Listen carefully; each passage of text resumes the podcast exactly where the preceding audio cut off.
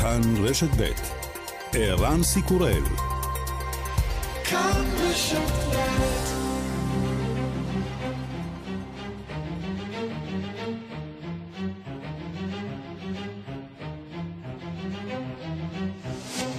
השעה הבינלאומית 31 במרס 2020 והיום בעולם.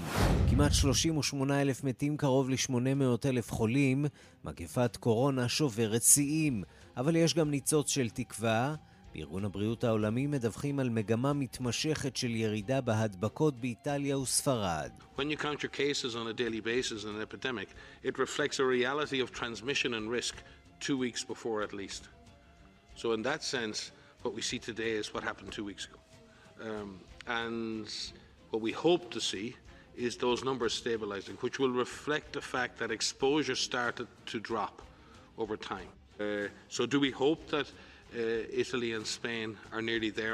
כשסופרים מקרי תחלואה ותמותה, הם משקפים הדבקה וסיכון שהתרחשו לפני שבועיים. אנחנו מקווים לראות את המספרים מתייצבים, נתונים שיעידו על כך שהחשיפה החלה לרדת במשך הזמן.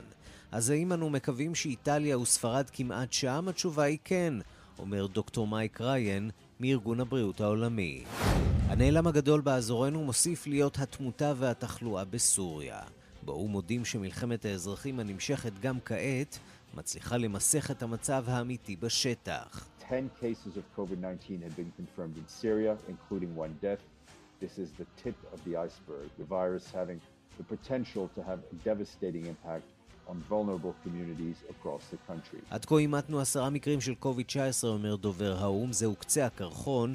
לווירוס יש יכולת לגרום פגיעה חמורה בקהילות פגיעות ברחבי המדינה. העימות בין נשיא ארצות הברית למושלי המדינות נמשך, הנשיא משוכנע כי די בציוד הקיים להתמודד עם המגפה. המושלים רוצים עוד. בניו יורק מתו עד כה 1,300 בני אדם, יותר מ-67 אלף אובחנו חולים. המושל אנדרו קוומו מבקש עזרה מכל מקום שרק אפשר. As governor of New York, I am asking healthcare professionals across the country, if you don't have a healthcare crisis in your community, please come help us in New York now. כמושל ניו יורק אני מבקש ממומחים בתחום הרפואה ברחבי המדינה, אם אין לכם משבר רפואי בקהילה שלכם, אנא בואו לעזור לנו בניו יורק עכשיו. כמה קל להשעות את הדמוקרטיה בחסות מגפה.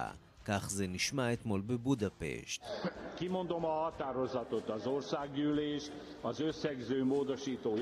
ראש ממשלת הונגריה ויקטור אורבן מעביר חוק חדש שיאפשר לממשלה להכריז מצב חירום ללא הגבלה וללא פיקוח הפרלמנט. החוק גם מטיל עונשי מאסר של עד חמש שנים למי שיעכבו את הצעדים לבלימת התפשטות הקורונה ולמי שיפיץ מידע שקרי על המשבר. באירופה מגנים את הפגיעה החמורה בדמוקרטיה. וגם...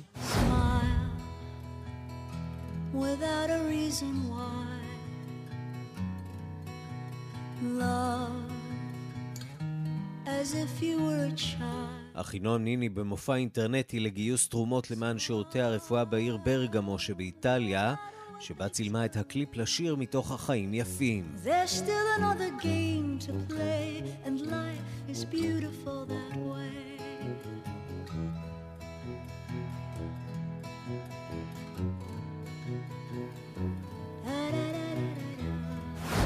השעה הבינלאומית שעורך זאב שניידר, מפיקה רונית גור אריה, אנחנו מתחילים.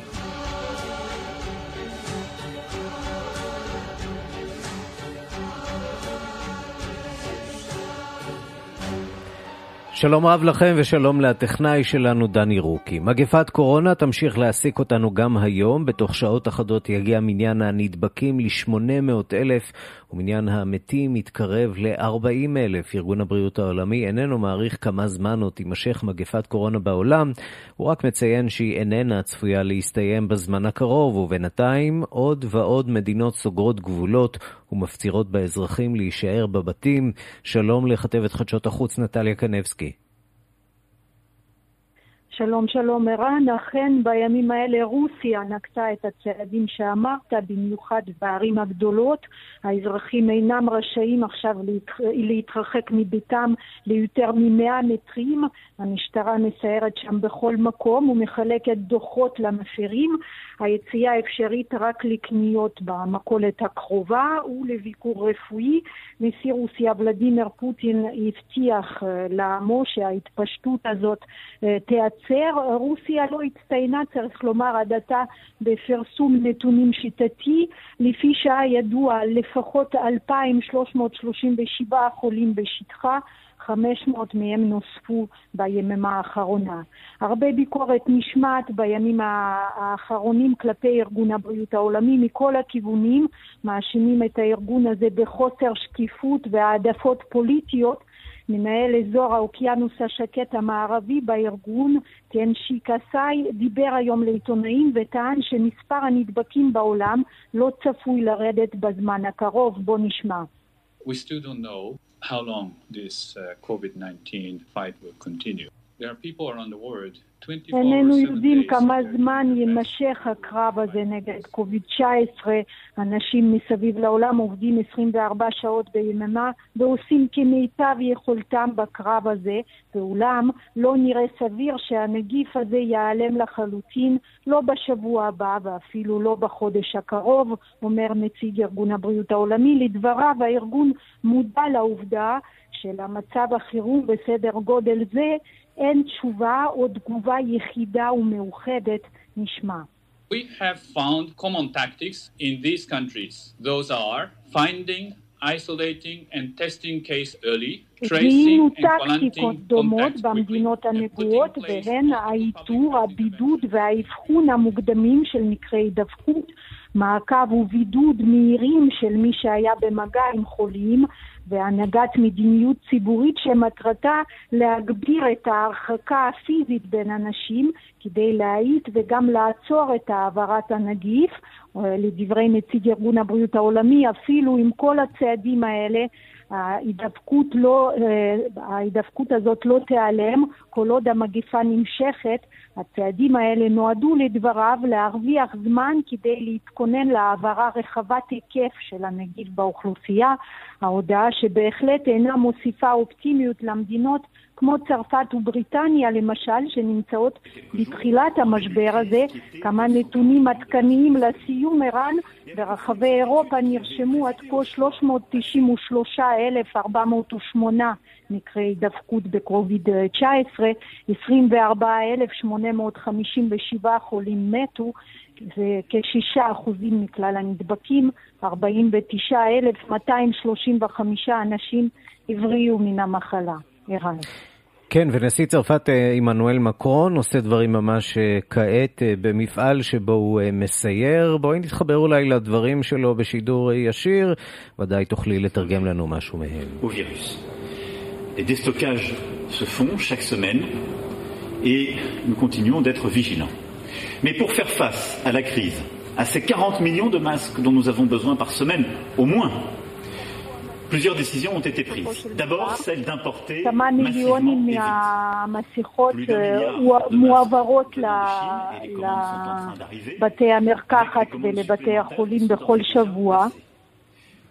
והוא גם אומר שיש הערכה שיהיו עוד הזמנות בימים הקרובים לעוד ועוד מסכות, כי המחסור הזה היה הבעיה העיקרית בימים האחרונים בצרפת. זאת באמת הבעיה העיקרית שאיתה נאלצים להתמודד הצרפתים. נטליה קנבסקי, תודה. אז צרפת הפכה למדינה הרביעית שחצתה את אה, סף אה, שלושת אלפים המתים מנגיף אה, קורונה אחרי איטליה, ספרד וסין. שיא המגפה הגיע מהמזרח לאזור פריז שמתמודד עם מחסור במיטות אשפוז וציוד רפואי. צרפת נאלצת לייצא חולים לגרמניה ולייבא מסכות לסגל הרפואי מסין. הניסויים בתרופות שונות אולי מועילים, אבל הפרסומים גורמים למטופלים מסוימים להשתמש בתרופות הללו ללא פיקוח והמחיר כבד. בין החולים והמתים יש גם לא מעט נבחרים מן הרשויות המקומיות וראשי ערים שהשתתפו במערכת הבחירות לרשויות המקומיות, שהסיבוב הראשון שלהם נערך רק יום לפני הכרזת הסגר, דיווחו של כתבנו בפריז, גדעון קוץ. למרות הניסוי המוצלח הנוסף שערך בעיר מרסיי הווירולוג הצרפתי הנודע פרופסור דידייה ראולט הנלחם על שימוש מיידי בתרופת ההידרוקסיכלורוקין פרסמו רשויות הבריאות בצרפת אזהרה מפני שימוש בתרופה ללא פיקוח רפואי. בימים אלה נרשמו מקרים רבים של פגיעה בקצב הלב ותופעות אחרות שלושה מהם הובילו אפילו למותם של המשתמשים. גם התרופה קלטרה שנמצאת בשימוש בארץ ברשימת האזהרה מדענים צרפתים ואחרים עובדים עכשיו על שימוש אפשרי בחיסון נגד שחפת כמרסן את תופעות הקורונה. לאחר מותה של נערה בת 16 בצרפת התקבלה כאן בתדהמה הידיעה על מותה מהנגיף של נערה בת 12 בבלגיה. גל שיא של המגפה שנע מצפון מזרח לדרום מערב צרפת ממשיך לשטוף את אזור פריז. המצב חמור ביותר בפרברים העממיים מצפון לעיר, שם חסרים מקומות אשפוז, צוותים וחומרים וציוד לטיפול רפואי וחמור במיוחד מצבן של הקהילות היהודיות, במיוחד האורתודוקסיות, שלא נקטו אמצעי זהירות בזמן. בין המתים גם כמה מראשי הקהילות שחלקם הועברו לקבורה בארץ. אתמול חצתה צרפת את סף שלושת אלפים המתים, שלושת אלפים עשרים וארבע, ארבע מאות ושמונה עשר ביממה אחת, חמשת אלפים מאה ושבעה מאושפזים בטיפול נמרץ. Le nombre d'entrées en réanimation est de 475 patients, 9% de plus. 3024 décès sont observés en milieu hospitalier depuis le 1er mars. mais aussi c'est important de le dire. הצילו את חייכם, הישארו בבית, אמר בדיווחו היומי מנכ"ל משרד הבריאות, הפרופסור ז'רום סלומון, המאופק בדרך כלל. בין המתים והנדבקים מספר גדול של ראשי ערים ונבחרים ברשויות המקומיות שעמדו לבחירה יום לפני הכרזת הסגר. לחצו הרבה ידיים וחיבקו בוחרים רבים. בין הקורבנות בנפש, פטריק דבג'יאן, שר התעשייה לשעבר של צרפת, ונשיא המועצה האזורית של או דה סן ממערב לפריז. הוא המדינאי הבכיר ביותר שנפטר עד כה מנגיף הקורונה. היה הידיד גדול של ישראל והקהילה היהודית. בגלל משבר האשפוז והציוד נמשכת העברת חולים במטוסים ומסוקים ממזרח צרפת לגרמניה. הנשיא מקרון עורך היום ביקור במפעל לייצור מסכות, אבל בינתיים ממשיכה להגיע ברכבת אווירית ההזמנה של מיליארד מסכות מסין. כאן גדעון קוץ, מפריז.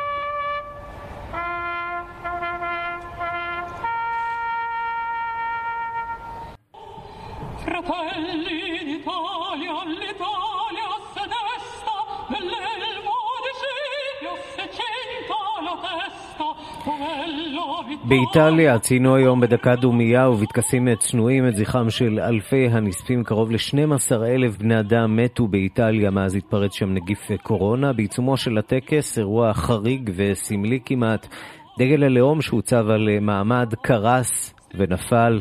באיטליה מקווים שנקודת השיא בהתפשטות המגפה כבר מאחוריהם ומקווים להתחיל לחזור לשגרה בתחילת חודש מאי.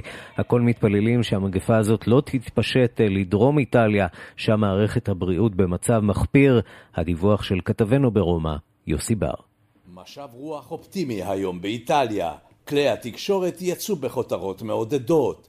פורצה איטליאני, הווירוס מאט, פחות נדבקים, הווירוס נבלם. מספר המתים ביממה האחרונה אומנם עלה לכ-800, אבל מספר המבריאים הגיע לשיא. יותר מ-1,500 ביממה, ומספר הנדבקים ירד בכ-50 אחוזים. ראש משרד הגנת התושבים, אנג'לו בוריוני, מבקש מהתושבים להחזיק מעמד. Dobbiamo fare ancora piccoli sacrifici o sacrifici perché ci porterà a uscire, speriamo il prima possibile, dalla situazione in cui siamo. עלינו להמשיך בהסגר, לעשות עוד הקרבות, רק כך נוכל לצאת מהמגפה. הווירולוגים זהירים יותר. מרביתם מעריכים שאם הציבור ימשיך לשבת בביתו, איטליה תצא מהמגפה בתחילת חודש מאי. אנו רואים את האור בקצה המנהרה. משה לומברדיה, אטיליו פונטנה, שהצליח להקים בית חולים חדש בשבועיים בלבד, זוכה היום לשבחים בכל כלי התקשורת. ההרגשה היום באיטליה היא שהמגפה עומדת להסתיים וכולם מדברים על השלב הבא, שיקום כלכלי של המדינה ושיקום של החיים החברתיים. הרופאים מזהירים כי גם אחרי סוף המגפה האנשים ייאלצו לשמור על היגיינה ועל מרחק של מטר זה מזה. אין ספק שהאופטימיות חשובה, אך יש המזכירים באותיות קטנות שהם מקווים כי המגפה לא תתפשט לדרום המדינה, ובאותיות עוד יותר קטנות הם מזכירים כי בבית החולים של פלרמו, בירת סיציליה, קיים רק מכשיר הנשמה אחד. כאן יוסי בר, רומא. רק אפשר לקוות שלא רותמים שם את העגלה לפני הסוסים, במקרה הזה אה, עגלת הגופות למרבה הצער, אה, ואנחנו אה, ממשיכים עם המצעד, מצעד התמותה ברחבי העולם, שבו אף אחד לא רוצה להוביל, אבל מישהו כנראה בכל זאת חייב. ספרד מתקרבת לנקודה שאליה לא רצתה להגיע, והיא עוקפת את איטליה, מובילה באירופה עם מניין מקרי התחלואה הגבוהים ביותר ביבשת. מניין המתים שם ממשיך לעלות. מוקד תשומת הלב עובר מהבירה מדריד לברסלונה, שם מתרבים הדיווחים על קריסת מערכת הבריאות ובתי החולים. שלום לקשב תחום החוץ בעין יניב. שלום, שלום ערן, כן, ויום שיא עם כ-849 מקרי מוות, מדובר במספר הגדול ביותר של מתים. 849, וואו. 849 ביום אחד, זה בהחלט מתקרב למספרים שראינו באיטליה. אה, בספרד חששו מתחילת המשבר במציאות בה הם עוברים את נטוע התחלואה, אבל אנחנו ראינו את זה מיום ליום, איך הגרף של ספרד עוקף את זה של איטליה, ואנחנו כבר מתקרבים באמת לנקודה הזאתי. על פי הנתונים העכשוויים, סך המתים בספרד עומד כעת על 8,189. מספר החולים עולה גם הוא באופן דרמטי בכמעט עשרת אלפים מקרים חדשים, מה שמביא את סך מספר החולים במדינה ל-94,417. בארגון הבריאות העולמי, כפי שציינת ערן בתחילת התוכנית, מציינים כי ספרד, כמו איטליה, מתקרבת אל סף uh, התפשטות הנגיף, אולי כבר מעבר לשיא שלו, אבל בספרד מתקשים לפתח uh, תקוות. אחרי שהבירה מדריד הייתה ועודנה אזור התפרצות מרכזי בספרד, הפוקוס ביממה האחרונה עובר למחוז קטלוניה, שם מתקרבים אל סף הקיבולת של בתי החולים עם חדרי מיון המלאים בכמעט 90 אחוזים. ראשי המחוז בקטלוניה מכחישים באופן פומבי את הקריסה המתקרבת של מערכת הבריאות, אך מאחורי הקלעים כבר מכינים את בתי החולים לתרחיש, אליו כבר דובר בניו יורק, והוא אי טיפול בחולים שמצבם אנוש.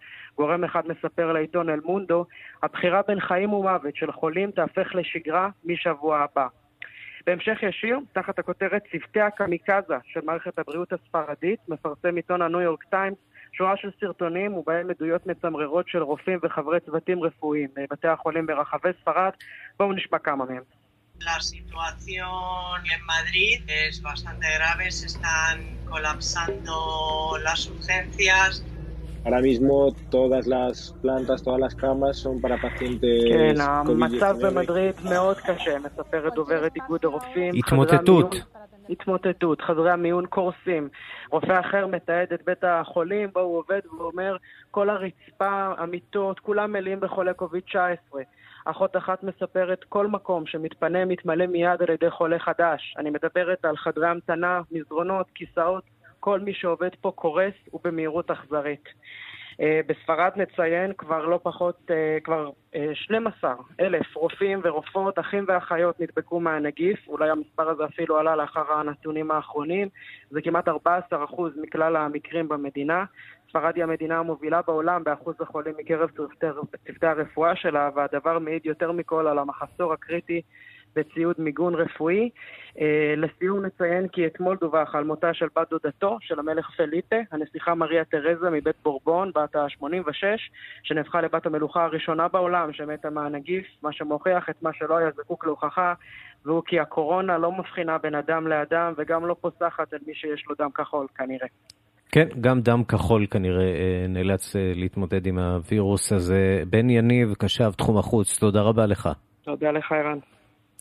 הונגריה היא אחת המדינות האירופיות שבהן שיעור ההדבקה נמוך יחסית, עד כה מתו שם 16 בני אדם, כ-500 נדבקו, מה שלא מנע מן הפרלמנט ההונגרי להעביר אתמול חוק תקדימי למדינה החברה באיחוד האירופי, חוק שהאציל את סמכויות החקיקה מן הרשות המחוקקת לרשות המבצעת. במסגרת החוק הזה, ראש הממשלה ויקטור אורבן צפוי להכריז על מצב חירום ללא מגבלת זמן, והוא עשוי להעביר גם תקנות נוספות להתמודדות עם נגיף קורונה.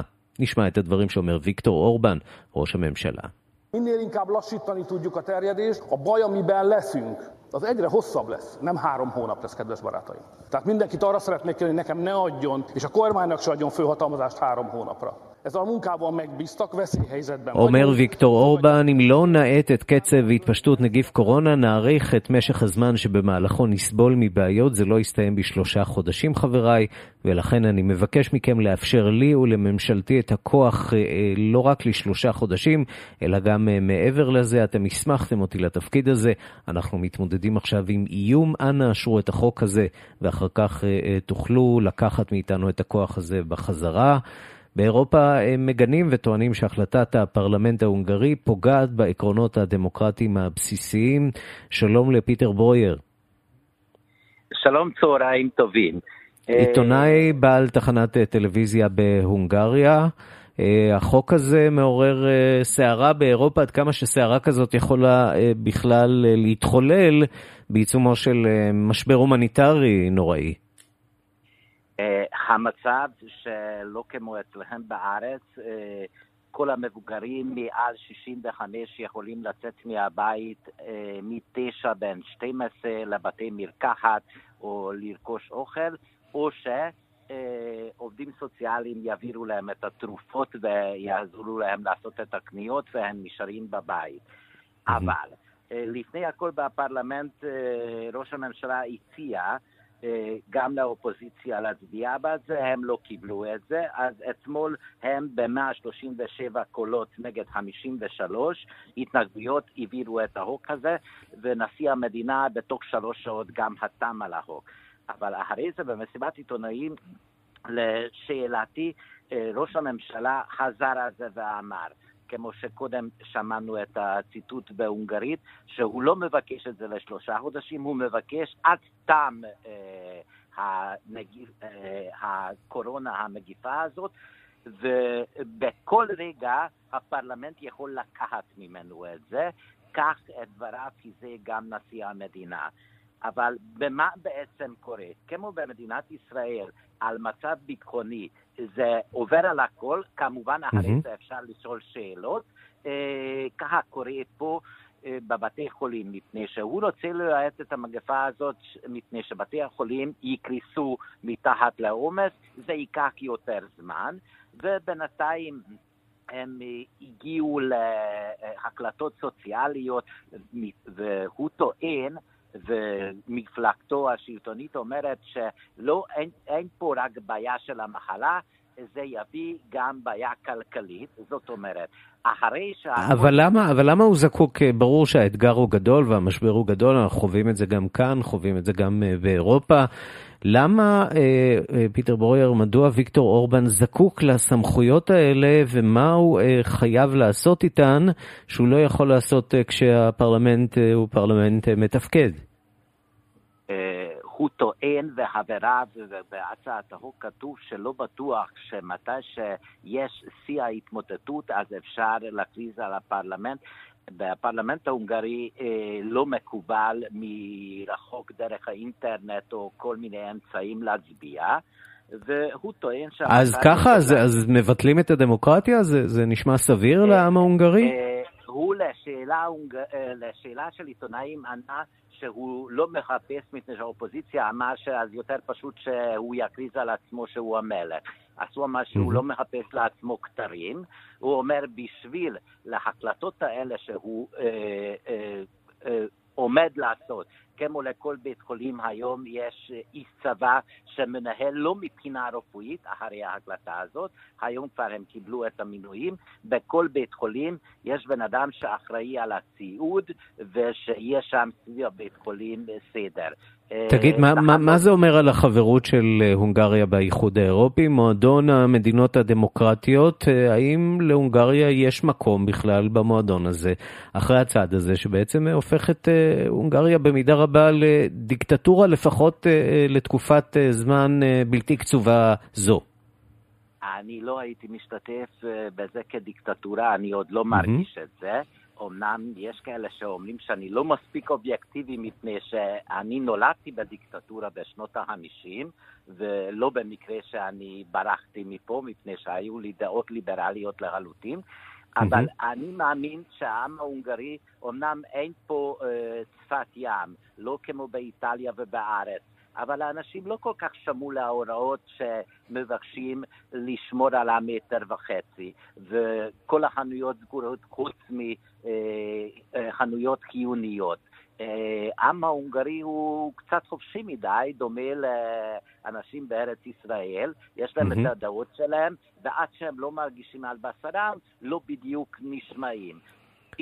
לדוגמה, אני חושב על זה שלא במקרה בסין הצליחו לעצור את זה מפני שלא היה שם ויכוח. אמרו שלאף אחד לא יצא, ואם קוראים לזה דיקטטורה, אז זה לא, לא הכי דמוקרטי מה שקרה בסין. טוב, אין, אין, אין ספק שדמוקרטיה זו לא בהכרח השיטה הטובה ביותר להתמודד עם אה, משברים אה, בסדר גודל כזה, אבל אה, ככל הנראה השיטה היחידה שגם אפשר לחיות אחריה. אה, אנחנו נאחל לכם אה, כאן אה, מישראל בריאות שם בהונגריה. פיטר ברויר, עיתונאי בעל תחנת טלוויזיה שם, תודה רבה לך. תחנת טלוויזיה יהודית, תודה רבה. בהחלט. פרסומות.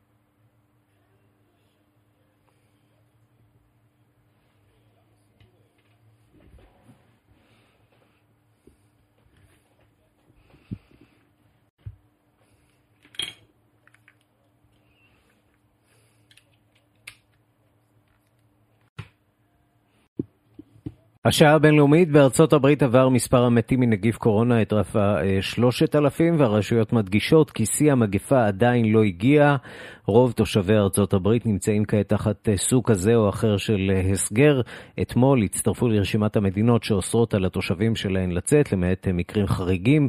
גם וושינגטון הבירה והמדינות הסובבות אותה. שלום לכתבנו בוושינגטון, נתן גוטמן. שלום ערן. למה מרחיבים עכשיו את האיסורים? אה, בגלל התחושה שזאת מחלה שמגיעה, שכאשר יהיה ברור שהמגפה כבר כאן, בערים אחרות, אני נמצא כרגע בתוך אה, וושינגטון שהולכת ומתרוקנת, אה, כאשר יהיה ברור שהמגפה כבר כאן, זה יהיה מאוחר מדי, ולכן לא רוצים להגיע למצב כמו שקורה בניו יורק, שבה יש התפרצות המונית עם הרבה מאוד נפגעים, הרבה מאוד חולים ומתים, אבל כל זה, הטיפול מגיע בשלב שבו אנשים כבר נדבקו, ולכן מרחיבים את מעגל הבידוד. כך אה, למשל כאן אה, בוושינגטון ובמרילנד ווירג'יניה הסמוכות, יש אה, מהיום בעצם הוראות של להישאר בבתים. עכשיו זה לא אומר שאסור לצאת בכלל מהבית, אבל זה אומר שמותר לצאת רק באירועים חריגים, רק למטרות של עבודות חיוניות או לקניות חיוניות, וגם זה במרחק סביר. וזה גם אומר שתתחיל אכיפה, כולל קנסות של עד 5,000 או 6,000 דולרים למי שיפר את uh, החוקים האלה. כל אלה במטרה באמת למנוע התפרצויות במקומות שהם עדיין לא קרו. בוא נשמע דברים אה, שאומר אה, נשיא ארצות הברית דונלד טראמפ, והוא נותן אתמול עדכון על המצב, מה הוא אומר שם? כן, ובעצם בעצם הוא, שוב, בתדרוך שלו, שהפך להיות יומי בבית הלבן, הוא uh, uh, נכנס לריב שוב עם העיתונאים שמנסים קצת לשאול עד מתי זה יימשך ומה המסר שלו לציבור האמריקני. בוא נשמע. We are doing a great job. It will go away. You know it. You know it is going away, and we're going to have a great victory. And it's people like you and CNN that say things like that. That it's why people just don't want to listen to CNN anymore. You could ask a normal question. The statements I made are: I want to keep the country calm. I don't want panic in the country. And instead of asking a nasty, snarky question like that, you should ask a real question. And other than that, I'm going to go to somebody else. Please, go ahead, please. השאלה של רשת CNN בסך הכל הייתה על, על המסר, והאם יש לו דברי הרגעה לציבור האמריקני, אבל הנשיא טראמפ אה, שוב, שוב ושוב חוזר בתדרוכים האלה שלו על האשמות של התקשורת, הוא רואה בכל הסיטואציה... שזה מוזר, כי יש לו הזדמנות כאן אה, באמת להיות אה, מנהיג ממלכתי, לאחד את העם, זו הזדמנות שכל מנהיג אולי... מקווה לה בשלב כזה או אחר, לא כמובן לאתגר הגדול שעומד בפני העם האמריקני, אבל המעמד הזה כגורם אה, אה, מאחד וחשוב. כן, הוא בחר לוותר על ההזדמנות הזאת. אה, בסופו של דבר דונלד טראמפ יוצא כל יום לעיתונאים. ואגב, בשביל נשיא שמנהיג אומה שנמצאת במוקד ההתפרצות של מגפה עולמית, הוא מבלה המון זמן עם התקשורת, כמעט שעה וחצי כל יום, ואז עוד שיחות טלפון לרשת פוקס. ואיש אינו יודע כמה זמן הוא בעצם יושב וצופה בטלוויזיה ומה שאומרים עליו, בסופו של דבר הוא רואה את זה כמאבק, מאבק אישי, מאבק פוליטי, והאויב הוא לא רק הקורונה, הוא גם הקורונה, אבל האויב הוא גם התקשורת ויריביו הפוליטיים. נתן גוטמן, כתבנו בוושינגטון, תודה. תודה, ערן.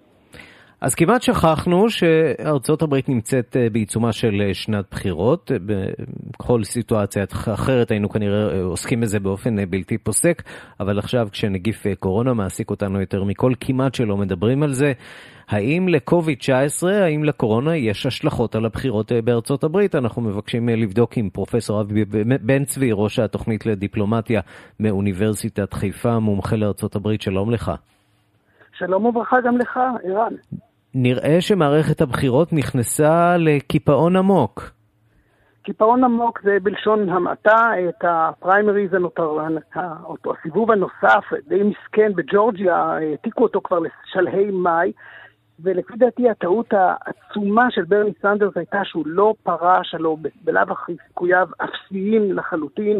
בדרום אין לו שום סיכוי לזכות בקולות האפרו-אמריקנים.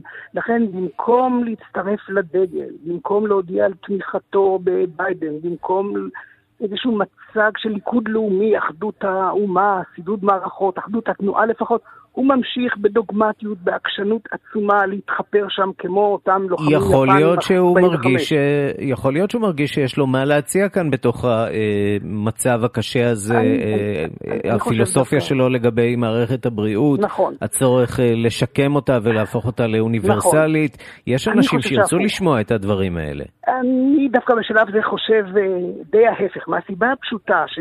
אחרי ההוצאה האדירה של טריליונים, בעצם ההזרמה האדירה של טראמפ, לחשוב בכלל, לחשוב על אותה אידיאולוגיה של סטנדרט, כלומר שהיא גם כן תוספת של טריליונים למערכת החינוך, כדי להפוך אותה למערכת בריאות ממלכתית, ולמעשה ביטוח לכל, ושחרור או פטור מלא משכר לימוד בקולג'ים. זו הוצאה עצומה, זו העלאת מיסים עצומה. היום האמריקנים דווקא חושבים שכבר הם אה, עומדים להדק את החגורה, כך שהתפיסות mm-hmm. האלה הן ממש אנכרוניסטיות. ובמובן הזה, ואגב, שמעתי את נתן גוטמן, חשבתי שהוא כמעט, אה, לא הוא, אלא טראמפ קלקל לי את התזה. כי טראמפ בימים האחרונים כן הופיע כממלכתי, הוא זוכה לתמיכה גוברת אצל דמוקרטים אפילו. יש עלייה מ-13% ל-17%. הוא מנסה, הוא מנסה. יש, יש לו יותר רגעים שבהם הוא מנסה מאשר רגעים שהוא אה, כן. אה, חוזר לטראמפ הרגיל. הוא, הוא גייס את האומה במידה מסוימת, 47% תמיכה, שזה לא היה לו כבר שנתיים. שזה mm-hmm. די מדהים, כאשר הוא גם הולם בתאגידים הגדולים, כמו ג'נרל מוטורס, עכשיו על כך שהם עדיין לא מייצרים מכונות הנשמה, מזכיר להם את החטאים שלהם מהמשבר הפיננסי, שהם גרפו את הבונוסים, ראשי התאגידים, כך שהוא גם פופוליסט. עכשיו, ביידן מוביל כיום בסקרים, לא באופן מוחץ, הוא כמובן פונה למעמד הבינוני הנמוך, הקרב הוא לגמרי ברור. זהו האירוע המעצב את נשיאותו של טראמפ. ביידן אמנם מוביל, אבל טראמפ למעשה, גם בעובדה שיש מודל א' טראמפ, מודל ב', מודל א' התכחשות, גימוד המשבר, זלזול. מ-13 במרץ, שהוא הכריז על מצב חירום לאומי, נקט בצעדים מרחיקי לכת. אתה יודע, אובמה קרן, הוא ריסק את זה עד עכשיו. עכשיו פתאום יש הרחבה של צעדים, למשל אפילו הכרזה על essential benefit, הזכות לבדיקת קורונה חינם. ברור שזה משרת גם את העשירים, כי אם אתה לא נדבק, אתה לא מדביק. אתה יודע, פרופסור אבי בן צבי, הסיפור הזה קרוב לוודאי שיסתיים בתוך אה, חודשיים-שלושה, אבל אה, ההשלכות שלו ימשיכו ללוות אותנו עד אה, לחודש נובמבר. איך זה ישפיע על הבחירות עצמן, על ההכרעה של העם האמריקני, העם שייאלץ למצוא את עצמו הרבה יותר מובטל, הרבה יותר עני, והרבה פחות בהבטחות של הנשיא טראמפ לשגשוג והצלחה לאמריקה גדולה? ערן, זאת השאלה הגדולה שאתה בעצם אה, לא, לא עושה לי ספוילר, אבל אתה, אתה שואל את השאלה שבאמת באמת הכי קשה לענות עליה. כי השאלה היא כזאת, אם האומה האמריקנית תמשיך להיות במצב של משבר אקוטי, אז טראמפ יש לו בעצם שוליים, יש לו סיכוי גדול לרוץ בדגל של מגייס, מגייס הציבור תחת uh, מלחמה, תחת סוג של משבר קיצוני, איום הטרור, זאת אומרת, הוא מגייס מתחת לדגל. אז mm-hmm. נדמה לי שדווקא היום אנחנו רואים כבר את האפקט הזה. השאלה היא כאשר העשן יתחיל להתפזר, הערפל הסמיך יתבהר, וההשלכות המעשיות מבחינת אבטלה, מבחינת אמריקה באמת לא ערוכה למצב שהיא תהיה מדינת רווחה. אז היום יש ניצנים, סליחה שאני מזכיר את טראמפ בנשימה אחת עם רוזוולט, אחרי השפל הגדול, אבל בעוד שהרפובליקנים לפני רוזוולט, הנשיא הובר היה אדיש שלוש שנים, טראמפ לפחות מגלה שהוא לא דוגמטי, מפגין שהוא פרגמטי, שהוא היום מכיר בחומרת המצב, שהוא משתחרר מדוגמות, מנורמות אה, שמרניות, אולטרה שמרניות. והוא פועל, הוא מזרים כספים, הוא, הוא, הוא פועל באופן לגמרי פופוליסטי. אז אתה שואל אותי לגבי השלושה בנובמבר, זה כבר לא רחוק, בהנחה שסנדרס הוא רעש רקע שימוג אל תוך הנשייה די מהר.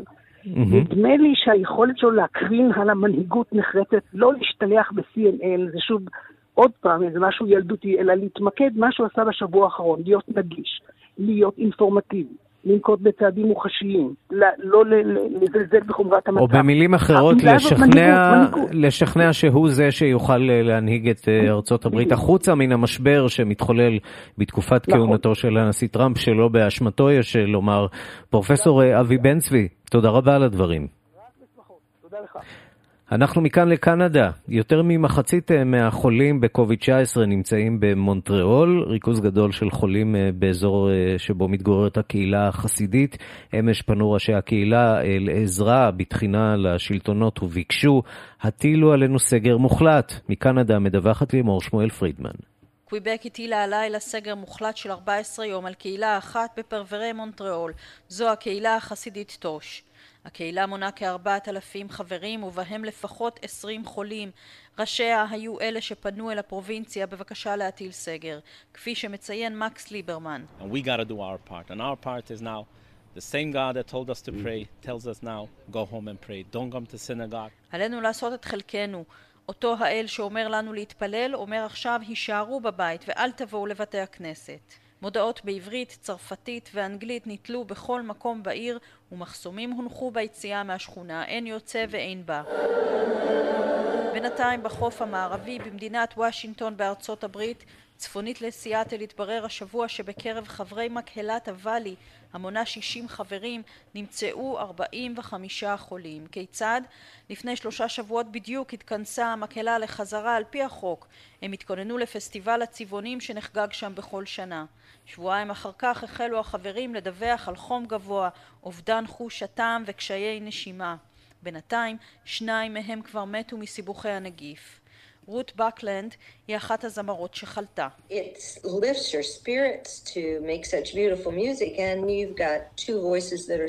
זה מרומם את הנפש לייצר מוזיקה וכעת יש לנו שני קולות חסרים, היא אומרת.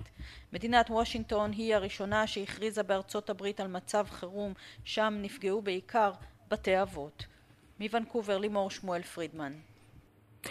אנחנו עכשיו לחינוך ברחבי העולם. כ-186 מדינות ברחבי העולם סגרו את שערי מוסדות החינוך בעקבות נגיף קורונה. מדובר על כמעט מיליארד תלמידים וחצי שלא הולכים לבתי הספר. יש לי פה שניים מעבר לדלת בבית, ואנחנו אומרים שלום לכתבנו לענייני חינוך לירן חוג'יינו. שלום ערן. טוב, הם כבר מאיימים לפרוץ אה, אה, לאולפן הביתי שהקמנו פה, אבל אנחנו אה, עדיין נשמור אותן בחוץ אה, כדי לשמוע ממך אה, מה מצב החינוך ברחבי העולם.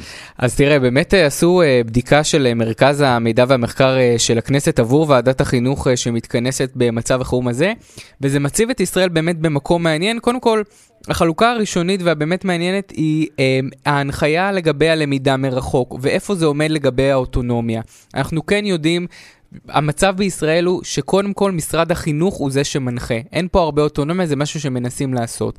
לעומת זאת, איפה ישראל דומה? לסין.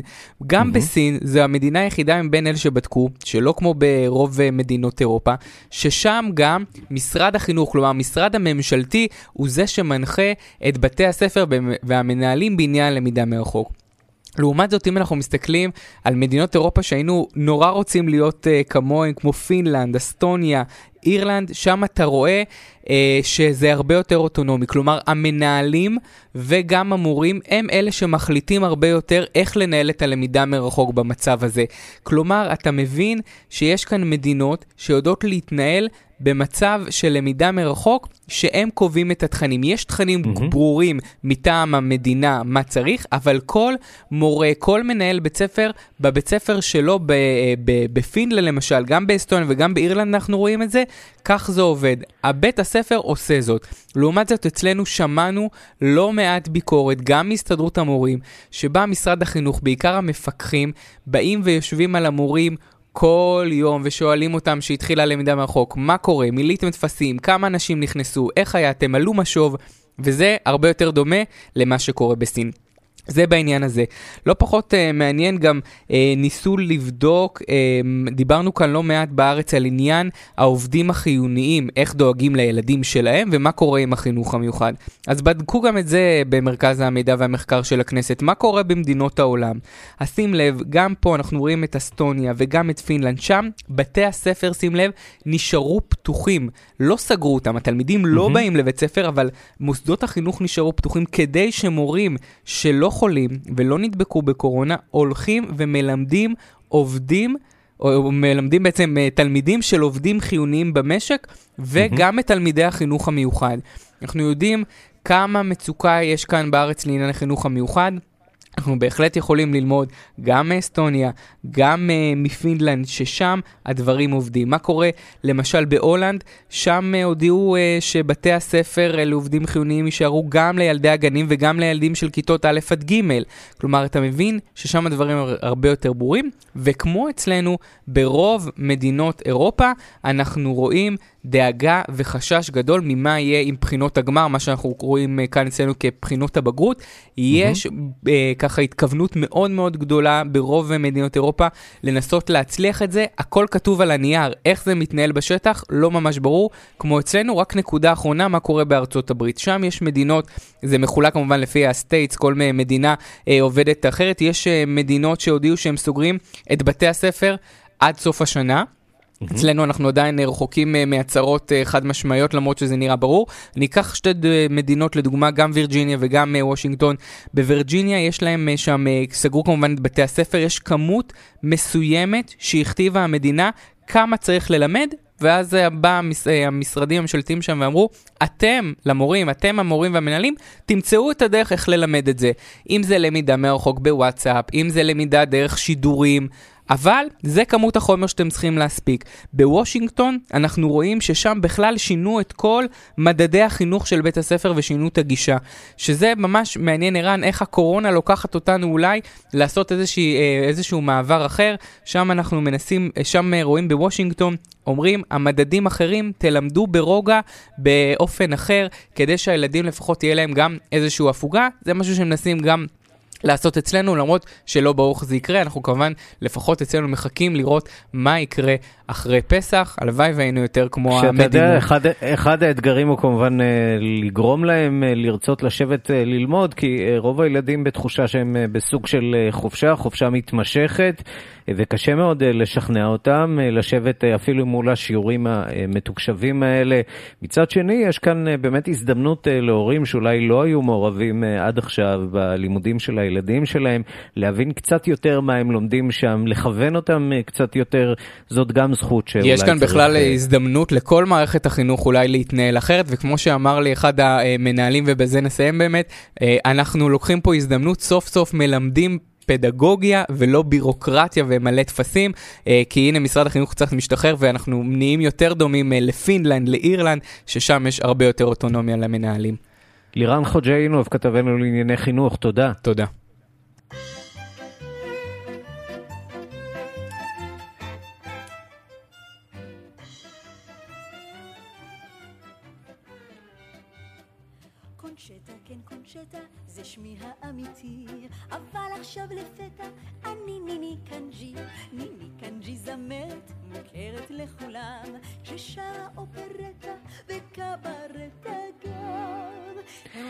שלום לזמרת אחינועם ניני. שלום לך ערן.